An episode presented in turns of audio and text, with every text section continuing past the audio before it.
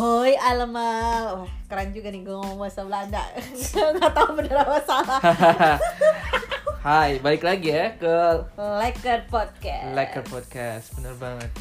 Nah kali ini kita punya bintang tamu nih Caya, bintang Eh, tamu, anjir. Perkenalkan namanya Doni Manuru Hai, hai, hai, hai, hai. Nah mumpung persiapan Syarif mau liburan pulang ke Indo Jadi ada Jadi kita bintang tambahan tamu ya. Jadi kes gue absen ada yang gantiin. Backup, backup.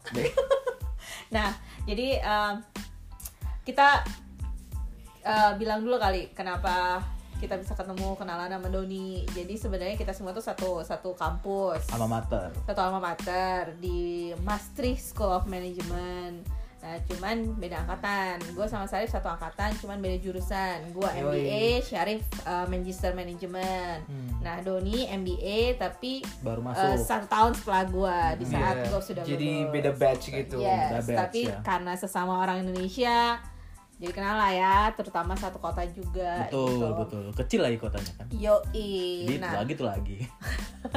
betul. Nah, nanti uh, kenapa kita bisa kenal-kenalan sama generasi-generasi berikutnya? Ketahuan nih karena uh, episode ini kita mau ngebahas tentang kuliah di Belanda. Buat bahan PPI kali ya, biar PPI-nya sponsor Kebetulan kebetulan Doni ini eh, salah satu pengurus inti dari PPI Bila- PPI Mastri Mastri. tahun ini. Jadi temanya gitu. itu berhubungan dengan edukasi. Ya. Yes. Oke. Jadi less uh, more serious. Enggak lah. a little bit, Little bit. it Little bit. sound serious, tapi kita mencoba untuk buat itu nggak serius ya. Ya, ya. Jadi oke, hal pertama yang dilakukan untuk kuliah di Belanda adalah ceng ceng ceng ceng cari sekolahnya. Dari sekolahnya. Seberapa penting gak sih buat nyari sekolahnya gitu menurut lu Don? Jadi dulu di awal dulu kayak gimana? Wah, kalau menurut gue sih penting banget sih. Jadi kayak ketika lu ngeplannya punya tujuan, oh gue masuk kuliah ini gitu loh. At least jurusannya deh. Nanti ntar cari jurusannya itu ada di kampus mana misalnya gitu. Hmm, Baru gue mau nanya nih, mendingan pentingan jurusannya apa pentingan unifnya? eh kalau menurut gue kan kayak Belanda tuh udah cukup bagus lah standarisasinya jadi kayak lu kuliah di mana aja bisa dibilang hampir sama lah maksudnya Hmm, iya, mungkin vape- iya. mungkin VM-nya beda gitu maksudnya kayak eh, kalau kampus yang satu lebih terkenal karena lebih gede Hmm. yang satu lagi mungkin nggak terlalu terkenal cuman bukan berarti mutunya jauh Iya, gitu Itu dari segi ranking ya berarti Iya, ha, bedanya. Tapi ha. kalau misalnya kualitas in general emang edukasi di Belanda itu jauh lebih tinggi jauh ya. sih Ya udah ada standarisasi Standarnya udah khusus lebih tinggi kali ya. dan Ha, pendekatannya juga beda nggak sih lu ngerasa kayak pendekatan Iya. Eropa kan beda sama Iya. kita Asia Betul. jadi menurut gua. Indo sih gue bilang mah bukan Asia. Iya sih Indo. ya gitulah menurut gue Iya, gue ngerasa sih. jurusannya sih karena menurut gue Ha. ketika lu uh, cuman asal masuk kampus gede Iya. tapi ternyata jurusan lu nggak suka ya lu struggle gitu aja. Hmm, kemarin sendiri lu daftar berapa kampus atau universitas yang ada di Belanda sebelum lu netapin bakal ke MSM kampus lu yang sekarang ini? Oh kalau gue di Belanda sih cuman satu doang nih MSM doang. Hmm. Oh gitu. Tapi gue apply tempat negara lain Hmm. Dengan jurusan yang sama. berbeda, beda. Jadi jadi sempet kayak eh, maksudnya kayak gue kalau gue tuh termasuk ketemunya tuh kayak misalnya eh, passion gue di terakhir-terakhir lah. Hmm. Hmm? maksudnya Terakhir- iya terakhir. karena dulu karena kayak maksudnya kayak gue galau gitu antara mau ngambil lanjutin dari bachelor gue lanjut atau Ah. gue MBA ini Oke, Oh, oke. karena bachelornya si Doni IT, jadi Iya, either lo mau lanjut sekolah IT Mm-mm. atau mau lanjut sekolah uh, ekonomi yang Bet- lebih general, Iya, gitu, iya, iya. yang bisnis lah. bisnis lah gitu Ah. jadi menurut gue lebih ke situ sih lu tahu lu mau apa baru lu cari gitu loh Kalau lo Ren? Gue kemarin sempat daftar beberapa kampus sih. Ya. Kemarin gue daftar di Redboud, Eh, mau lihat bau Redboud University, tapi itu gue nggak lulus, ditolak. Jadi gue daftar ke Tias. ah, oh tias bagus Tias gue dapet. ah, Terus gue daftar di negara lain juga. Kemarin gue daftar di Roma. Itu Politico. juga dapat beasiswa, Ah. bukan di uh, Universitas University of Rome. oh gitu. Iya. Jadi gue dapet di situ kemarin. Tapi at the end gue memilih Maastricht karena beasiswa yang ditawarkan lebih tinggi. sama Iya. sama gue juga tuh Ter- tapi karena gue pengen balik ke Belanda lagi sih. oh Hmm, Lebih milih pilihannya termasuk karena Belandanya. Iya, ya. Belandanya benar, benar, benar. bener sih gue juga ada pilihan kayak gitu soalnya gue keterima di eh, Oslo cuma nggak gue ambil karena living cost juga kan Iya Iya sih, yes. sih. mahal Norway lebih mahal sih, living costnya lebih Belanda sebenarnya memang. iya jadi Ya. ya udahlah Berarti yang pertama itu adalah nargetin sekolah atau jurusan kali ya. Jadi pilihan lu tuh udah lebih terarah mau Mm, mm, mau yang apa gitu. Mm, mm, mm. Terus yang kedua, yang penting adalah pendanaan. Iya. Nah, nah untungnya nih buat yang kuliah-kuliah di Belanda, menurut gue yang sangat ngebantu itu adalah adanya Nufik Neso. betul Jadi nanti bisa di browsing tuh eh, apa websitenya www.nufikneso.com kayaknya. Nah itu adalah em, sebenarnya seluruh dunia ada Nufik Neso-nya menurut eh, gua. Nah di Indonesia juga ada sih. Jadi Nah. kayak partnering country-nya gitu dengan pemerintah Belanda, Mm-mm. mereka dapat aid ya eh, dalam bentuk beasiswa ya. Jadi kalian bisa daftar di Nufikneso itu dan ada beberapa juga kan eh, tipe-tipe beasiswanya. benar banyak banget banyak yang banget pilihan OTS Orange Tourist Scholarship Mhm. sama OKP. Gue sih sejujurnya nggak tahu detail ya mungkin Stunet Dani- juga ada Ada. Stan- iya. Dani bisa share something. Nih ini ada websitenya nih. Jadi websitenya adalah www.nesoindonesia.or.id. Nah, jadi emang sebenarnya ada keuntungannya juga Indonesia jadi salah satu kolonisasinya si Belanda. Mereka memberikan banyak beasiswa yang cukup banyak untuk orang-orang Indonesia gitu. Lumayan. Selain LPDP ya. LPDP itu kayaknya udah common banget orang Indonesia nyarinya kalau mau beasiswa S2, S3 LPDP gitu Iya. dan sekarang LPDP prosesnya juga lebih sulit, eh, lebih fokus negara juga beda yes fokus negara, fokus kampusnya juga Oh, iya. pilihannya udah lebih dikit kan.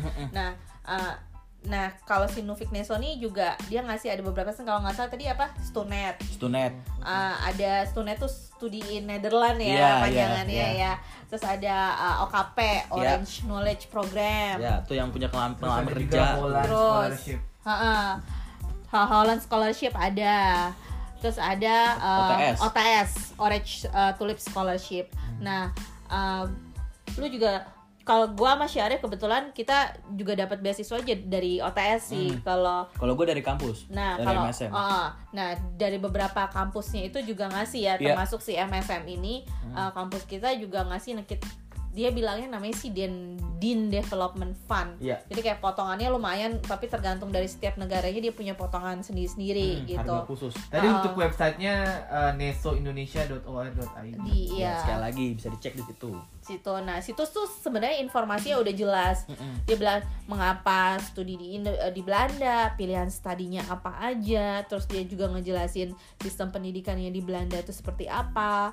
Terus eh, ada beasiswa juga. Nah, terus juga ngejelasin sedikit gimana sih tinggal di Belanda gitu kan. Nah, eh, menurut lo deh kalau bedanya kuliah di Belanda sama di Indo apa? Carip ya Eh, boleh Rip? gimana Kalau gue sih dari kurikulumnya udah beda ya. Kalau di Indo kemarin kita sistem blok atau semester gitu. Hmm. Di sini juga iya, tapi kalau di Indo itu kan satu semester bisa berbagai mata kuliah Hmm, hmm. jalan secara bersamaan. Ya. Tapi kalau di kampus kita, di sekolah kita, Mas School of Management itu jadi sistemnya itu satu mata kuliah per tiga minggu. Hmm, Jadi kan. nggak secara bersamaan kuliahnya jalan. Jadi dari sistem itu sih beda banget menurut gue. Iya itu Dan gue Yap. harus adapt, adapt lagi dari awal. Kalau yang sebelumnya gue bisa ha- harus mecah pikiran dari berbagai subjek. Kalau Yap. sekarang ini harus fokus ke satu subjek, Iya. terus move on lagi ke subjek berikutnya setelah exam atau tugas final Hmm. itu Iya. selesai kayak Hmm, gitu. hmm. Jadi itu sih yang beda menurut gue. Nah, kalau di kampus lain juga agak beda ya kayaknya yang di UM juga kayaknya dia sistemnya masih blok-blokan cuman nggak sepanjang satu semester kayak di Indo sih setahu gue sih ya, dan dasarnya sih maksudnya kayak setahu gue anak-anak UM tuh mereka atau beberapa kampus di Belanda tuh mereka nganutnya PBL kan ah problem based learning. iya itu, itu beda banget sih yes gitu karena uh, kalau yang biasanya kalau beberapa yang problem uh, based learning itu mereka diharuskan untuk udah belajar duluan sebelum Iya. kelasnya. Iya. Jadi di di kelas tuh jangan ngarep tuh ada dosen yang bener-bener ngajarin lo tatap muka, ngajarin lo kayak one way communication kayak gitu, jangan harap deh. Jadi mereka lebih uh, kayak encourage untuk ada diskusi, punya opini Iya. masing-masing gimana kayak gitu. Jadi lebih lebih kelihatan sih Iya. uh, ilmunya kepake ceritanya.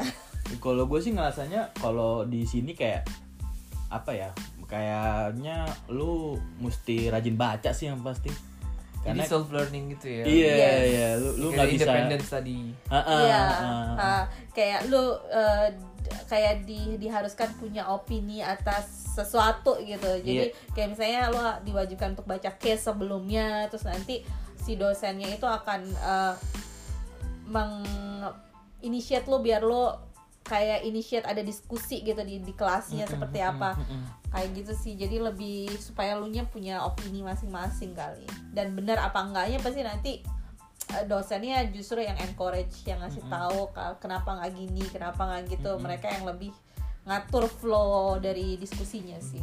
Kalau di Indonesia kesannya lebih santai ya kalau misalnya kita masuk ke kelas gitu jadi kayak nggak ada beban buat masuk. Kalau Yes. misalnya selain nggak ada tugas gitu kan. Betul juga betul juga. Tapi kalau di sini benar-benar harus persiapan gitu nggak sih? Wah karena emang grup tadinya juga intensif banget. Ya menurut gue sih yang yang yang benar-benar challenge adalah grup grup grup assignment. Ya betul. Karena to be honest uh, di kampus kita itu nationality-nya itu banyak banget. Jadi dan mostly nggak ada yang dari Eropa. Mungkin ada dari Eropa Ada. tapi satu dua orang doang gitu. Di Eropa Amerika Latin. Iya di, di- dari dari dari puluhan mahasiswa gitu. Dan banyak kan dari dari Asia dari South Amerika dari Latin dari Afrika. Afrika gitu.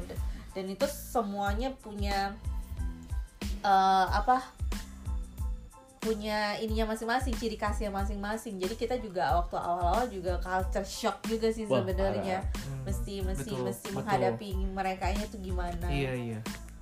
Kayak lu lu dari negara lu terus lu ketemu ketemu orang yang dari negara imigran juga misalnya kayak pendatang sama pendatang Hmm. terus lu terpaksa harus belajar culture Belanda jadi kayak lu tuh ya Iya.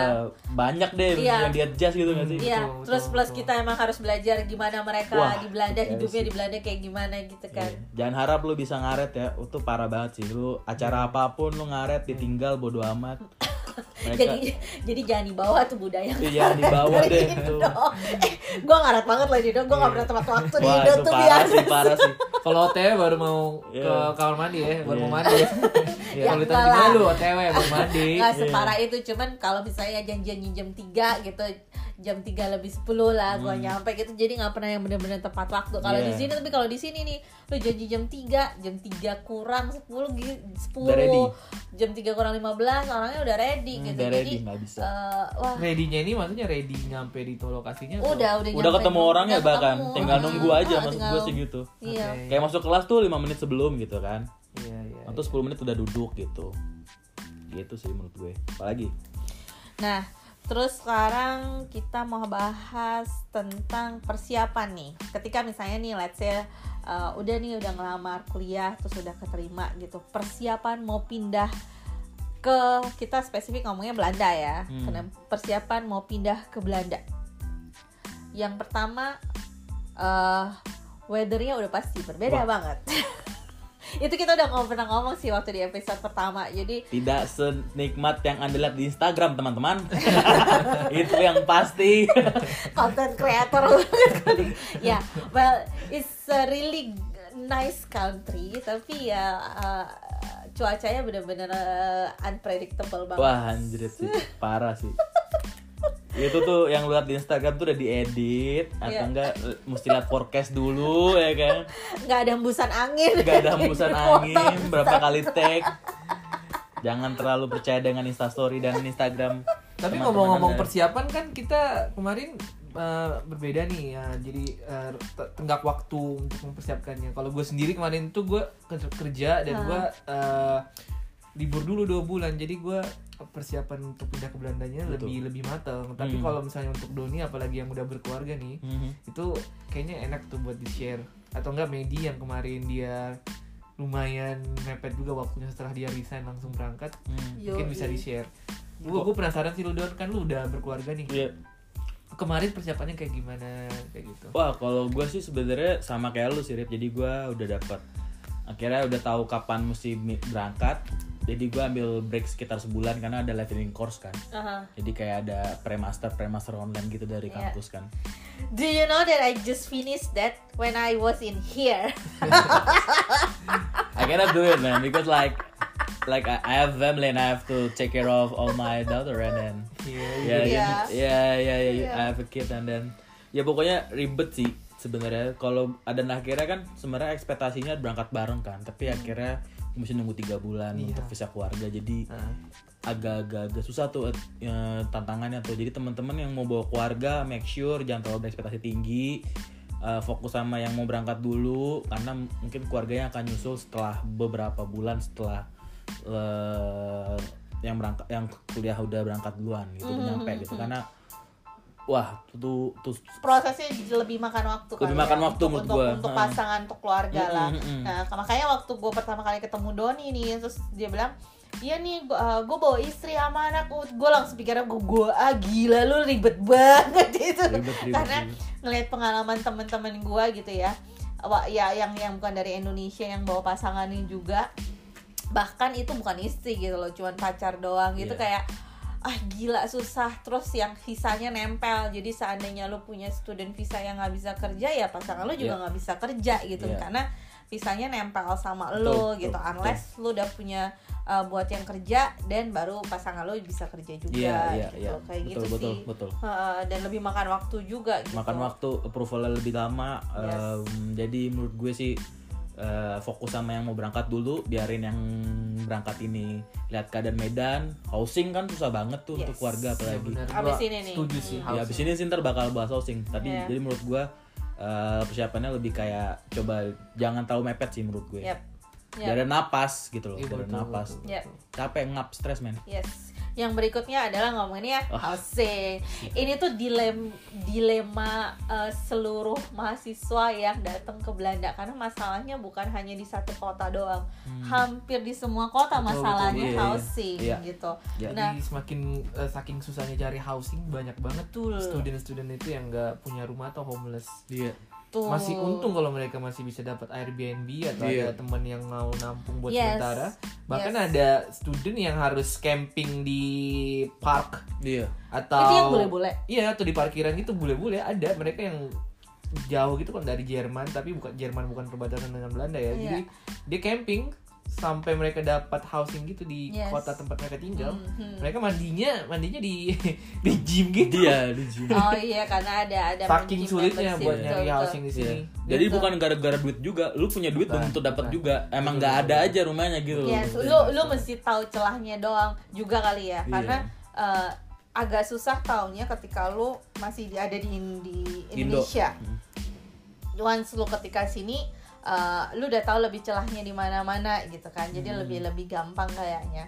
Nah, yang pengalaman gue yang paling menarik adalah yang waktu itu gue pindah pertama kali. Iya. Nah, untung tuh jadi kita kan eh, kuliahnya mulainya bulan Oktober ya, first of Oktober Iya. gitu. Jadi eh, Syarif udah dari bulan Agustus ya, Rif? Iya, betul betul. Agustus, Agustus dari Agustus dia udah udah ada di masjid. gue datang di masjid September, September awal. Oh September mid mid mid September ya? Pertengahan Mid September. September.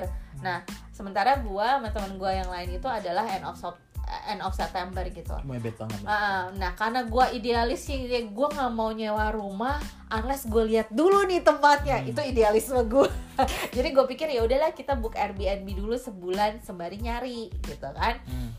ya ampun Bo pas hari gua nyampe mau nyampe di Maastricht itu Airbnb-nya di cancel dong sama ownernya Wow, jadi homeless ya. Iya gue langsung ah gila di homeless gimana akhirnya kita nebeng di tempatnya Syarif satu minggu lebih kali Lo harus terima kasih sama Oh, lu yang lu sama Ade itu, Bun. iya Oh, iya. jadi makanya Untung gue udah dapet tempat ya. Nah, untungnya Syarif udah dapet room dan ada sofa bed. Jadinya gue sama temen gue berdua nebeng di, di di kamarnya Syarif seminggu full. Padahal kamar gue juga kecil banget itu.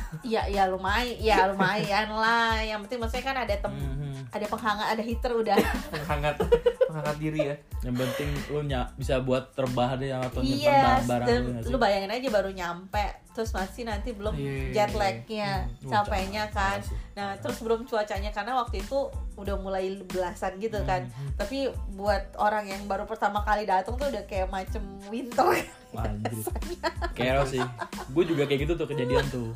Gak dapat housing gue nyampe sini. Nah. Oh gitu, itu Iya, iya. ceritanya? Itu ya biasa bini gue kan sebenarnya dulu, dulu kan tetap udah kuliah di Belanda. Iya. Jadi kayak dia mikir it's not a really big problem buat dapetin akomodasi di Belanda. Cuma pada Hmm. akhirnya Mas Tri kan beda beda konsep dan beda tahun juga kan. Maksudnya Iya. gue akhirnya tuh nggak dapet tuh eh, booking akomodasi Oh gitu. untungnya Hmm. bini gue itu eh, ada saat adalah mahasiswa salah satu PhD student di Mastri Betul. Oke. si Bang Nael akhirnya gue Oh, iya, kenal nebeng iya gue bini gue tuh mahasiswanya Oh gitu. terus akhirnya nebeng gue dua minggu cuy iya iya Nael. iya di Bang Jo kamarnya Bang Jo karena Bang Jo Oh. pulang Indo Bang Jo pulang Indo Bang Nael lagi ke New York Heeh, ketemu bininya betul. Oh, gitu. jadi gue di rumahnya sama sama landlordnya cuy iya sama si Marcel, Marcel. nanti anak kalau yang anak-anak di Maastricht wah nama Bang Nael ya, Mas terus Adrian. Mas Adrian nah Itu tuh. Marcel landlordnya si si Bang Nael tuh kayak udah udah legend legend. Tapi lumayan juga ya dapat uh, tempat gratis juga waktu itu.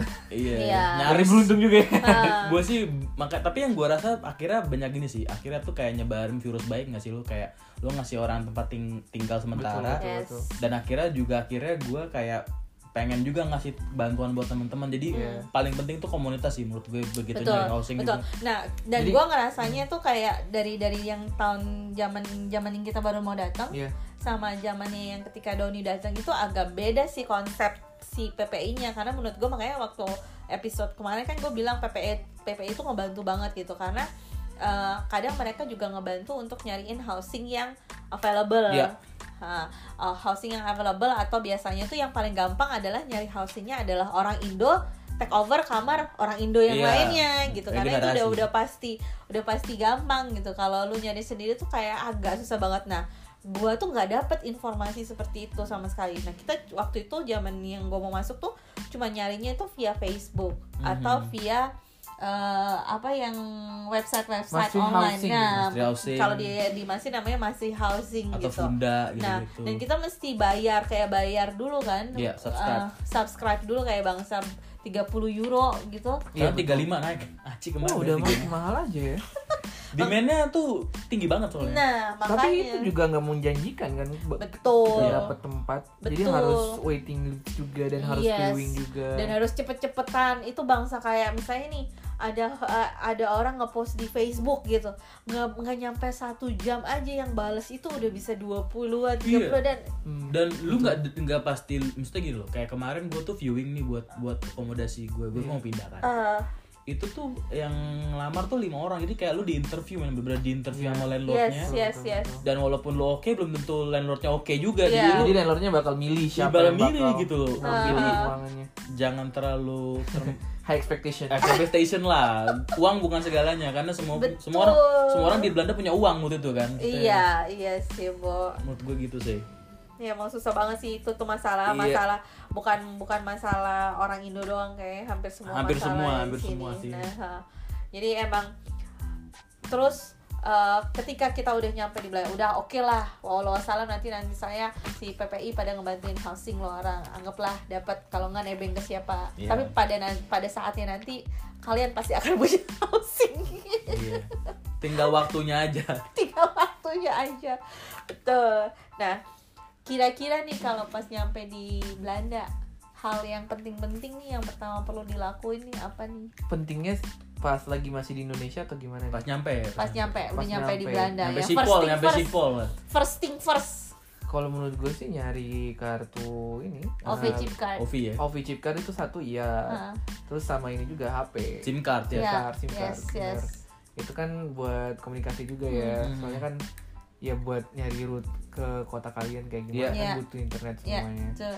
berarti tapi kalau SIM card nih eh, kan gue taunya tuh SIM card itu gratis tuh Eh, lu bisa ngambil di Albert Heijn ada ya Sepertinya sih iya di Albert Heijn. Tapi kalau misalnya di Skipol biasanya ada salesman-nya gitu loh yang Iya. dari Lebara. Lebara itu salah satu provider dia Hah? biasanya ngasih kartu gitu gratis tapi Iya. kita harus beli ini kartunya gratis tapi harus beli ini Top up. pulsanya top up pulsanya pulsanya, datanya top up untungnya Jadi- dia nggak ngomong pulsanya kak Iya. jadi boleh kak boleh kak pulsanya kak iya iya benar jadi lo mesti isi intinya isi isi uh, pulsa top up sendiri lah ya walaupun sim cardnya gratis jadi dia emang nyamperin lo gitu di sipol Biasanya orangnya sih ya. mas-masnya Jadi eh ada, bule-bule dia ada ada Ada ada, stand-nya. ada booth-nya gitu. Ah, itu sebelum sebelum keluar udah setelah keluar. keluar, setelah keluar. udah keluar lu mau ke Jadi kalau- lu mau ke stasiun gak sih Iya, Ya, kalau ya, Skipol ya, itu ya. kita uh, keluar dari ini apa arri- arrival gate gate-nya ha. kan kita langsung uh, nyambung ke itu eh, Ke bawah, Ke- stasiun. mau ke stasiun ha. depan-depan Jadi Starbucks. menurut gua biasanya ngambil itu dulu apa eh, SIM card itu habis itu eh, urusin Office Chip Care, Mm-mm. Office Chip Card. Hmm. ba- ambil yang biru aja yang reguler dulu. Iya, Iya. yes. Setelah itu di top up udah bisa ke mana-mana aja. Iya. Yes, Belanda. yes. Itu sih yang paling penting awal. Dan yang perlu diingat adalah transport di Belanda mahalnya nauzubillah ya Tuhan. Buset. mahal, mahal. mahal jadi itu eh, jadi karena kita kantongnya kantong mahasiswa pada masanya gitu ya ak- buat mungkin kalau pertama kali nyampe bener sih yang Syarif bilang office chip cardnya yang biru gitu. Iya. nah nanti ada lagi office chip cardnya yang personal yang, Yang kuning, kuning. yang udah ada nama, ada foto, Foto. lo udah ada nama lo ada ada ulang tahun lo nah eh, kalau ditanya bedanya kayaknya bedanya nggak ada beda sih nggak sih Nggak ada di dalam fair- sama, di, tapi- di dalam fair gitu nggak Iya, nggak nggak ada tapi beda yang kan Office Chip Card uh, personal ini bisa ada Pakai pakai. Di upgrade untuk subscription gitu. Betul. Contohnya buat traveling Heeh. for Nah, free on the Yes, weekend. yes. Jadi eh, yang perlu diketahui adalah ini karena kita di di di Masri ya, daerah Limburg itu eh, kalau kalau kereta kan yang banyak eh, provider eh, bukan provider, company-nya si Operatornya. CNS, Operator. operatornya CNS gitu kan. Tapi bus biasanya tuh setiap provinsi punya company-nya masing-masing. Hmm, betul, betul. Nah, kalau di eh, kalau di eh, Limburg, kalau di Limburg tuh ada namanya Arifa. Nah, Arifa itu dia provider si bus dan train juga kadang-kadang. buat ke Nah, Jerman sama si ke ke kota-kota dekat Kota-kota dekat sekitar Maastricht. Maastricht. Uh-uh. Regional trend gitu lah. Iya, re- ya daerah untuk dari sana. Nah, eh, kadang-kadang tuh kalau segampangnya kita kemarin karena kita pesennya yang personal office chip card-nya itu langsung dari NS-nya. Betul. Nah, sementara masing-masing company ini itu punya paket-paketnya sendiri. Betul. Iya. Ya, nah dan lucunya ini mereka nggak bisa paketnya tumpang tindih. Iya. Jadi kalau udah misalnya kita pakai paketnya yang NS eh, nggak Udah bisa dipakai, iya nggak bisa dipakai paket. Tapi nggak bisa nggak bisa punya dua kartu ya? Punya dua kartu bisa. Bisa, dua kartu bisa, Punya dua dua kartu kartu bisa. bisa. Ha-ha. Oke. Dua tiga bisa sebenarnya. Betul. Jadi kalau lu mau misalnya mau nyari eh, apa, mau nyari yang lain paketnya ya harus punya dua atau tiga personal office chip card kali ya. Hmm, Nah, gitu ya. cuman ya lu perlu waktu lah saya yang gue notice di sini adalah mereka semua tuh nggak akan bisa kerja cepet lo mau hari ini Iya. hari ini selesai kelar semuanya ada enggak Ya mirip lah kayak Indo, cuman lebih lebih teratur lebih, Lebih jelas teratur aja. teratur heeh.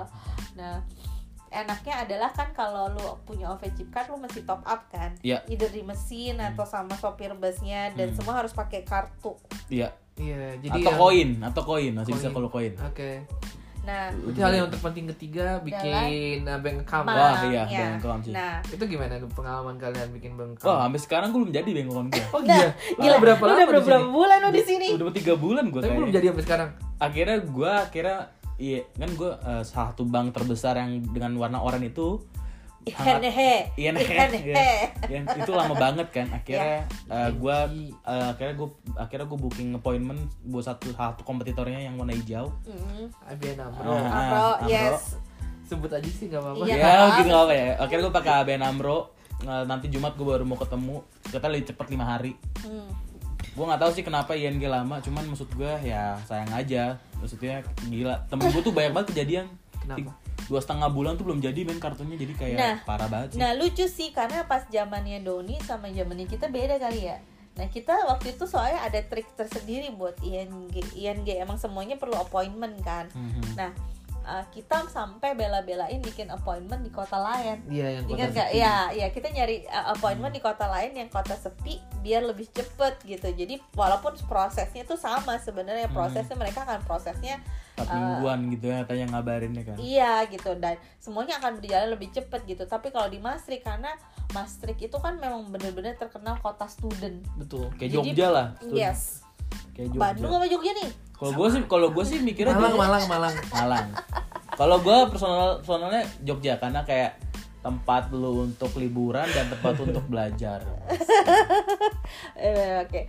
Terus eh, jadi kita sampai ke kota lain walaupun prosesnya sama jadi nggak masalah gitu. Hmm. Prosesnya lima minggu dia bilang lima minggu ya lima minggu gitu. Iya. Sementara kalau uh, lu bikin di ING-nya di Maastricht. di Maastrichtnya Iya, iya. mau bikin appointment aja lu bisa bulan depan baru Iya. ada Lebih capek nunggunya ya. Capek Yes. nunggunya sih. dan misalnya nih ada yang bilang ada yang ngasih uh, suggestion kayak si Doni waktu itu ada yang ngasih suggestion ke ini aja yang di uh, station strat Iya. station strat tuh maksudnya di jalan station Iya. strat tuh jalan di sini namanya nah yang nggak butuh appointment nah pada masa gua semua orang yang ke station strat itu semua ING-nya bermasalah nggak nggak jadi jadi harus bolak balik bolak balik teleponin nggak jelas Iya. nah dan itu yang terjadi sama mereka uh, selama ini Iya. gitu nah ya harus tahu tips and tricksnya cuman soalnya penting banget bank di sini karena semuanya uh, hampir semua cashless ya boy sini Semua Iya. cashless dan semua pembayaran online tuh pakai payment gateway-nya Belanda namanya Ideal. yes Ideal.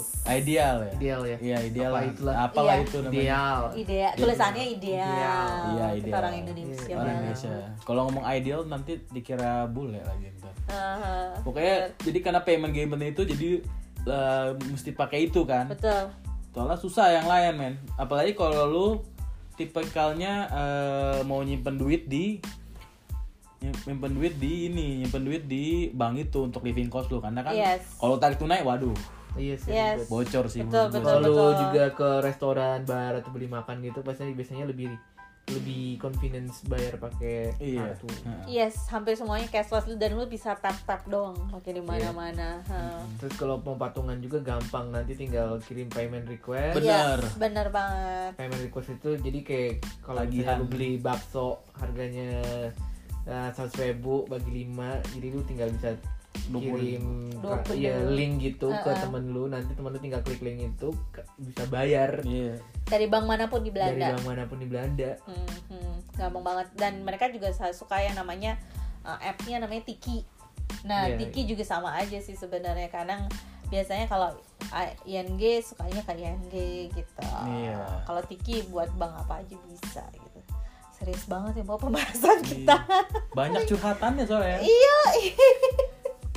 nah, kalau teman-teman penasaran karena kita uh, dari ini anggotanya si Doni uh, BPH-nya PPI Maastricht gitu ya, bisa lihat di Instagramnya PPI underscore Maastricht ya. At PPI underscore Maastricht. Yes. Nanti kita masukin di uh, description ya kan. boleh, boleh, Iya. boleh kita masukin follow follow buat yang pengen apalagi kalau yang untuk terima di Maastricht Ah, ah.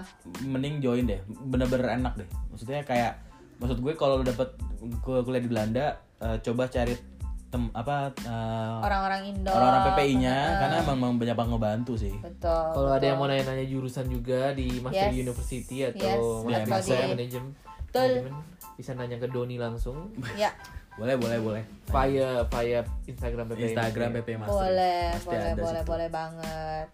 Nah, kayaknya terlalu serius sampai gua sampai nggak sadar aja gitu ini udah berapa menit ini berjalan ya. Udah 30 menit. Eh, jadi eh, semoga informasinya berguna untuk episode Iya. kali ini Mungkin dan nanti kita bisa bikin lagi ya sesi Yes. yang kedua Yes. yang tentang informasi. informasi. kalau ini misalnya menarik banget bagi yang mau kuliah buat kuliah di Belanda. kan. Heeh, mudah-mudahan karena kita mau bahas hal yang lain juga ya, Met. Tuh, yang lebih funny. Thank you semuanya. Bye.